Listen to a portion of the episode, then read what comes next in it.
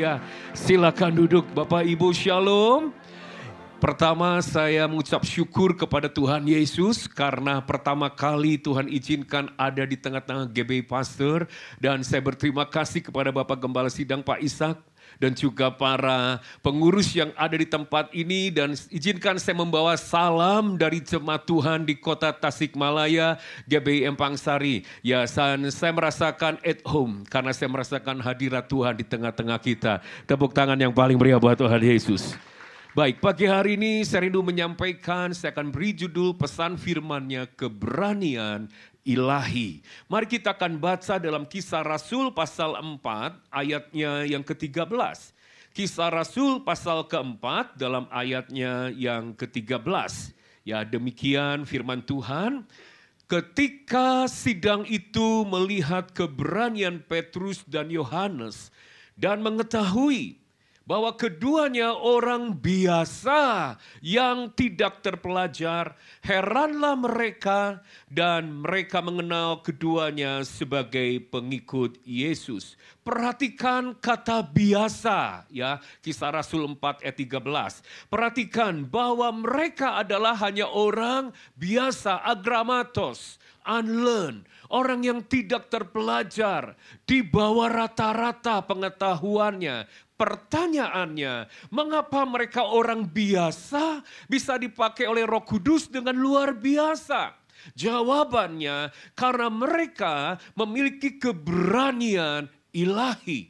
Sebuah keberanian yang bukan datang dari dirinya, tapi keberanian yang datang dari Roh Kudus.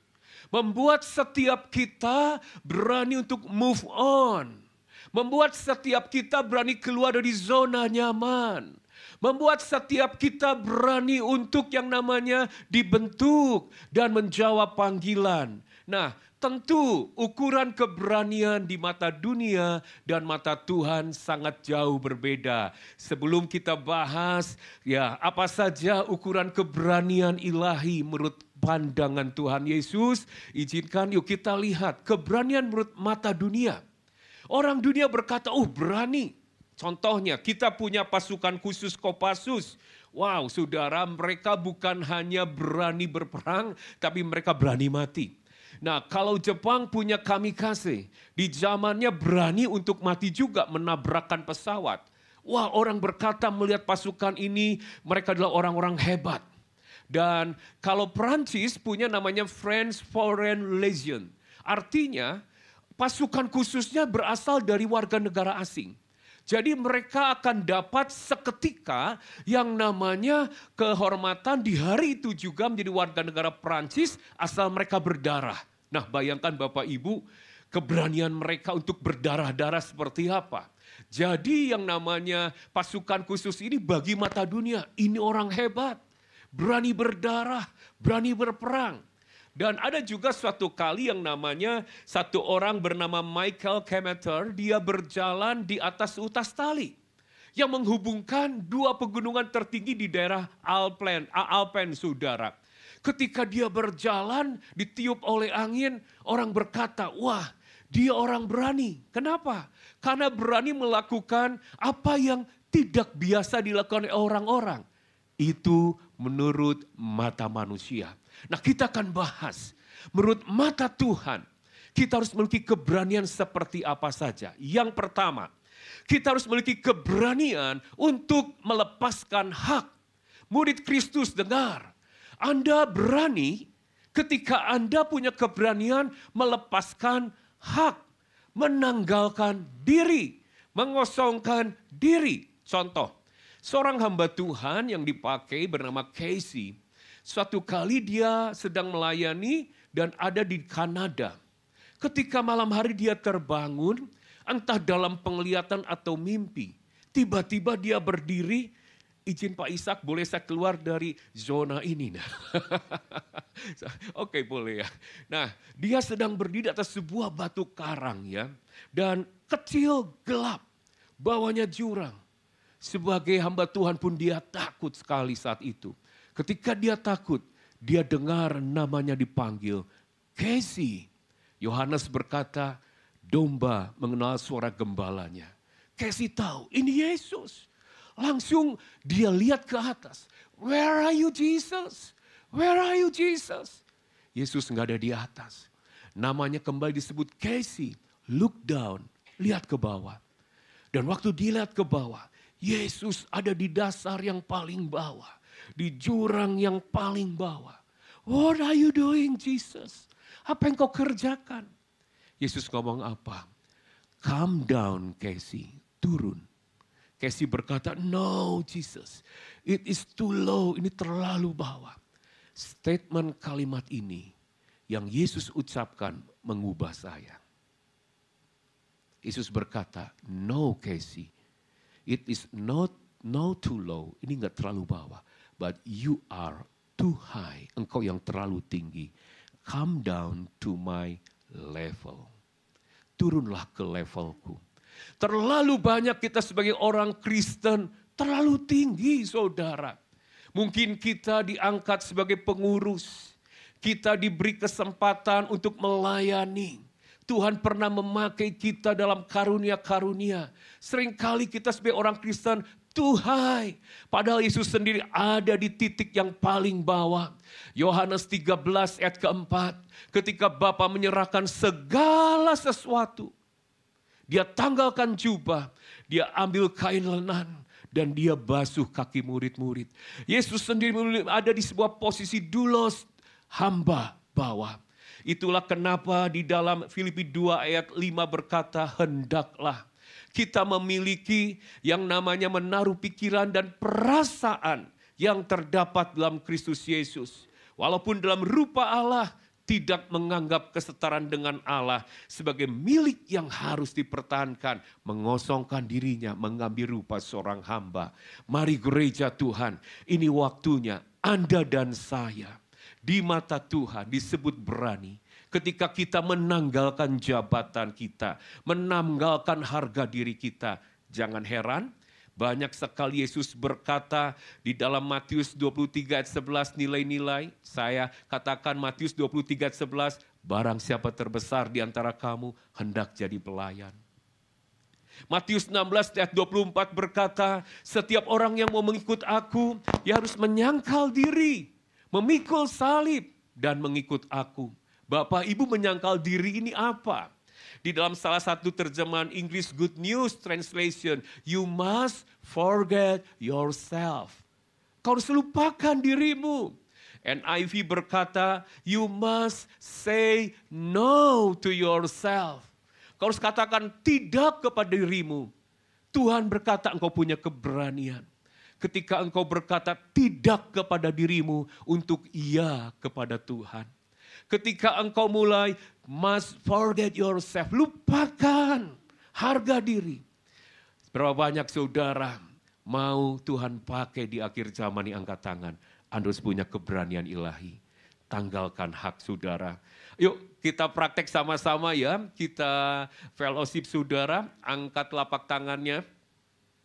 Taruh di dada, I am just number three. Aku hanya nomor tiga. Tiga, dua, satu. I am just number three. Ya. Sekarang angkat telunjuknya ke atas. Jesus, you are number one. Tiga, dua, satu. Yesus, you are number one. Sekarang tengok kiri kanan, tunjuk sebelahnya, depan belakang, and you are number two. Dan kau nomor dua. Ya, Yesus nomor satu, kita nomor tiga, tapi kiri kanan nomor dua. Orang yang berani menanggalkan hak, dia berani menempatkan dirinya jauh di belakang dan mendahulukan orang lain. Dan dia rela melayani. Ketika pelayanan yang kecil merasa tidak hina. Pelayanan yang besar tidak merasa hebat. Itulah orang yang berani melepaskan hak. Dan saya percaya orang-orang seperti ini akan memperlakukan orang lain bukan atas dasar apa yang orang itu bisa kerjakan bagiku. Bukan atas dasar kaya atau miskin. Wah turun dari mobil mewah. Ngangguknya itu sampai bumi langit saudara. Turun dari angkot. Dilihat pun enggak. Enggak. Kita nggak perlakukan orang atas dasar dia kaya atau miskin, lagi berhasil atau banyak hutang, lagi berhasil dikerumunin, lagi banyak hutang dijauhi. Enggak, jangan perlakukan orang atas dasar keadaannya. Perlakukanlah seseorang atas dasar apa yang sudah Yesus kerjakan dalam hidup saudara. Dia menyerahkan dirinya, dia menerimamu, dia mengampunimu. Amin. Suatu kali saudara, mungkin 10 tahun yang lalu, ya ketika saya akan datang ibadah sore di gereja kami, ya itu jam 5 entah kenapa jam 3 saat itu saya datang lebih awal. Gereja belum ada siapa-siapa, waktu saya pencet lift mau naik ke atas, jadi sebelah lift kami itu ada WC, WC pria. Saya dengar ada suara, kosrak, kosrek, kosrak, kosrek. Jadi saya intip, karena saat itu uh, bagian yang namanya cleaning service belum ada. Belum ada pengerja. Jadi waktu saya perhatikan saya kaget. Sepasang suami istri. Ya saudara saat itu belum pengerja, saat itu juga saudara apalagi bukan uh, orang yang bekerja di gereja kami. Mereka berdua adalah seorang CEO, seorang pemilik pabrik besar, karyawannya 2.500 orang. Suami istri sedang bersih-bersih toilet. Saya kaget. Dia lebih kaget melihat saya, dikirain belum ada. Jadi dia membersihkan WC jemaat saudara. Kotor bau. Tidak ingin dilihat. Saya sebagai bapak rohani, apa yang saya lihat 10 tahun yang lalu masih membekas hari ini. Bapak di surga, terlebih apa sesuatu yang sudah kau kerjakan ketika engkau berani melepaskan hak, menyentuh hatinya orang-orang seperti akan diurapi oleh Roh Kudus untuk dipakai di akhir zaman. Tepuk tangan yang paling pria buat Tuhan Yesus. Haleluya. Yang kedua, keberanian apa di mata Tuhan? Yang kedua adalah keberanian melepaskan topeng kemunafikan ya. Keberanian melepaskan topeng kemunafikan gereja yang murni, yang bersih, bukan hanya berbicara manajemennya baik ya, dan ditata, wah Pak Ishak saya sangat diberkati ya. Ini saya dari tadi lihat gereja ini luar biasa indah ya. Senang saya melihatnya, betah ada di sini saudara ya. Oke, gereja yang murni bukan hanya berbicara gereja yang bersih dan baik, tetapi saudara, kalau kita lihat kata munafik, saudara pasti sudah tahu berbicara bermuka dua. Bertingkah laku yang berpura-pura. Munafik berbicara seseorang memiliki kehidupan ganda ada yang namanya family life. Ada yang namanya church life. Beda-beda. Kalau church life, kehidupan di gereja, selalu ditata saudara merdu ya. Ngomong aja kayak nyanyi, shalom apa kabar. Oh tante gimana kabarnya? Baik ya. Family life. Wah ngomong sama pembantu aja nyuruhnya pakai kaki. Saudara tuh ambil buang sana. Di sini nggak ada ya, di sini nggak ada. Saya berbicara mengingatkan aja mungkin ada yang ada di mana saudara ya. Ada yang berbicara social life. Ya, di depan semua baik tapi begitu bicara social life apalagi media sosial, curhatannya waduh, ya semua dibukakan sehingga atmosfer komunitas terhamiri dengan rasa kesal, rasa amarah. Ayo tapi waktu ke gereja semua baik. Ketemu muka dengan muka, tidak apa-apa. Itu munafik. Gereja, kita murid Tuhan. Harus berani melepaskan kemunafikan. Berperilaku berbeda ketika tidak dilihat orang. Dan saat tidak ada yang melihat. Itu munafik. Tuhan benci kepura-puraan. Kalau kita lihat Roma 12 ayat 9. Yesus berkata, Tuhan berkata, hendaklah kasih itu jangan pura-pura.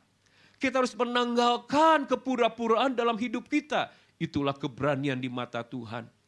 Saudara, di dalam uh, salah satu terjemahan, kata pura-pura ini menggunakan kata sincere, tulus. Berasal dari bahasa latinnya tulus itu sinecera. Artinya without work, tanpa uh, apa namanya wax. Kejadian di zaman saat itu keramik, saudara, yang pecah, itu bisa dipakai lagi dan dijual lagi kalau ditutup dengan wax. Nggak kelihatan padahal dalamnya pecah. Tulus, kasih yang tulus itu tidak ada yang ditutupi. Kecacatan kita ditutupi. Jangan sampai di gereja kita mengangkat tangan, Di luar masih hidup dalam dosa, itu munafik, itu nggak benar, itu pura-pura. Di gereja kita terlibat melayani, tapi dalam bisnis kita bekerja masih suka bohong ya.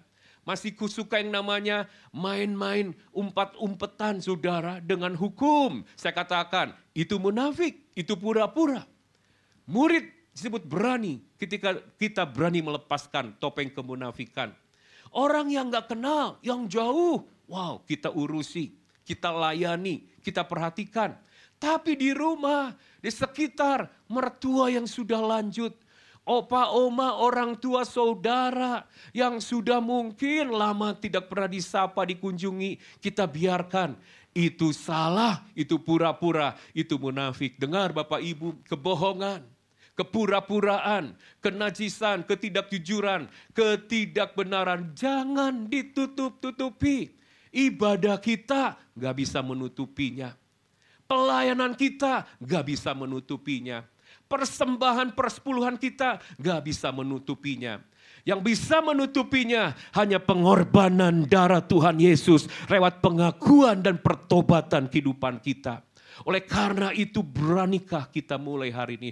Aku tanggalkan segala kepura-puraan. Supaya kenapa? Dan kita ambil keputusan, aku bertobat. Hidup benar, hidup kudus. Sebab yang maha kudus ada bersama-sama kita engkau akan diurapi dan dipakai oleh roh kudus. Itulah keberanian ilahi. Boleh tepuk tangan yang paling meriah buat Tuhan Yesus. Haleluya. Ya. Yang ketiga, keberanian ilahi ya berbicara tentang keberanian untuk berbeda. Keberanian untuk berbeda. Untuk hidup benar Bapak Ibu, ya sesuai firman harus memiliki keberanian untuk berbeda. Bahkan berani melawan arus. Seringkali kita merasa malu, merasa terancam, merasa sungkan ah. Ya, atau berpikir aku bisa melukai orang lain, perasaan orang karena aku berbeda dengan dia. Justru kita jadi garam dan terang, kita harus pegang teguh kebenaran yang kita yakini, nilai-nilai uh, yang Yesus ajarkan walaupun berbeda dengan orang di luar. Harus berani menyatakan identitas kita, ya. Ketika kita berani berbeda, Berbeda karena Kristus itu adalah sebuah favor kasih karunia. Jangan menjadi malu. Suatu kali ada satu di India saudara. Ya saat itu satu kelas itu sedang yang namanya diinspeksi oleh pemerintah tentang kualitas nilai bahasa Inggrisnya. Sang guru berkata kepada murid-murid, nak hari ini kita akan diinspeksi oleh uh, pemerintah. Ya, jadi kata guru bahasa Inggris, kalian khusus hari ini ya boleh nyontek. Nah ini nyontek kudus ya istilahnya. Nyontek silakan kerjasama. Tolong yang di sebelah sana yang jago bahasa Inggris buka contekan. Kasih teman di belakangnya. Supaya nilainya bagus. Tapi ada seorang anak saudara. Diangkat tangan. Pak saya dari dulu ditanamkan oleh orang tua untuk berlaku jujur. Dan saya nggak pernah nyontek, saya nggak bisa. Guru itu berkata, oh nggak apa-apa, khusus kebaikan. Buat kebaikan kita bersama. Hari ini boleh nyontek ya, tolong nilainya semua harus bagus. Ujian dilakukan, anak ini tetap dengan prinsipnya. Apa yang terjadi? Ternyata saudara, hasilnya keluar, semua bagus. Satu-satunya yang jelek, orangnya anak yang jujur itu. Marahlah gurunya. Teman-teman pun marah dan mulai mencibirkan bibir. Dan berkata munafik sok suci loh, sok agamawi loh, sebut segala macam. Saudara, siapakah anak ini yang punya prinsip dan berbeda untuk apa yang dia yakini. Setelah besar, dia menjadi seorang bernama Mahatma Gandhi Otaknya nggak sebesar Einstein. Ototnya nggak sebesar Rambo. Tampangnya nggak setampan Andi Lau. Tapi menjadi seorang bapak bagi India. Dari sejak awal, konsistensi. Ketika Anda konsisten dengan kebenaran, Anda harus siap ada konsekuensi Konsistensimu dengan kebenaran pasti ada konsekuensi. Engkau dijauhi, engkau rugi, engkau seperti apa. Tapi Dengar, sukses bukan banyaknya cuan aktivitas, tepatnya prioritas. Dahulukan kebenaran firman. Kerajaan Allah di atas segala-galanya. Dahulukan senangkan Tuhan. Dibandingkan senangkan diri kenyamananmu. Dahulukan kemuliaan namanya. Dibandingkan ketenaranmu. Itulah sebuah keberanian ketika kita berani berbeda untuk Tuhan Yesus. Di mata Tuhan, Itulah murid-murid yang diurapi. Tepuk tangan yang paling meriah buat Tuhan Yesus. Baik yang terakhir adalah keberanian untuk bermimpi besar, saudara. Ya, orang biasa mereka unlearn ya di dalam kisah 4 ayat 13 tapi dipakai mengguncang dunia karena mereka punya sebuah vision jauh ke depan yang besar. Bapak Ibu, mujizat sering kali dimulai dari kemustahilan. Mujizat sering dimulai dari masalah yang besar. Mujizat sering dimulai dari ketiadaan. Mujizat sering dimulai dari ketidakberdayaan. Hari ini Bapak Ibu, ayo jangan putus asa. Kalau ada di antara umat Tuhan, engkau sedang menghadapi masalah besar.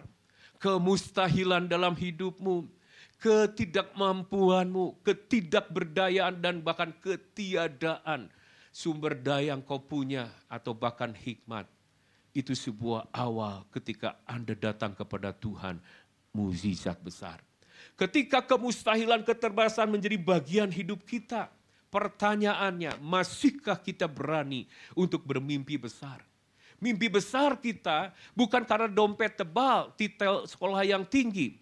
Mimpi besar kita karena Filipi 3 ayat ketiga. Kita bermegah karena Kristus, bukan karena hal-hal lahiriah. Hari ini kalau Anda batasi mimpimu karena mungkin usia sudah lanjut. Mungkin tubuhmu sedang lemah dan sakit. Mungkin engkau bukan orang lulusan kuliahan. Mungkin modalmu tidak besar. Mungkin kita berasal dari keluarga biasa. Mungkin keturunanku semuanya.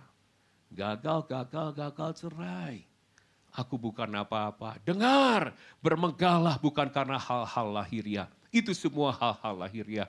Bermegahlah karena Yesus sudah membayar lunas segala kutuk, segala kekurangan kelemahan kita di atas kayu salib. Dan Anda harus datang pandang salib Tuhan dan perspektif Tuhan, perspektare, melihat masa depanmu dengan bagaimana cara Yesus memandang. Yesus memandang engkau sekarang menjadi anak-anak yang diurapi, penuh otoritas, penuh segala dengan kasih karunia Bapa. Yesus memandang dan melihat engkau dengan cara pandang yang baru, dengan ada sesuatu yang besar di depan yang Tuhan bisa kerjakan lewat orang-orang yang sedang terbatas, yang sedang mengalami ketiadaan, yang sedang mengalami masalah besar. Tetaplah bermimpi besar. Amin. Saya akan akhiri imam musik bisa standby. Saya uh, ketika yang namanya Agustus yang lalu, dua minggu ya sebelum kami menikahkan ya menikahkan putra kami. Ya asalnya kami akan namanya hamba Tuhan gembala kadang-kadang bingungnya yang diundang begitu banyak saudara.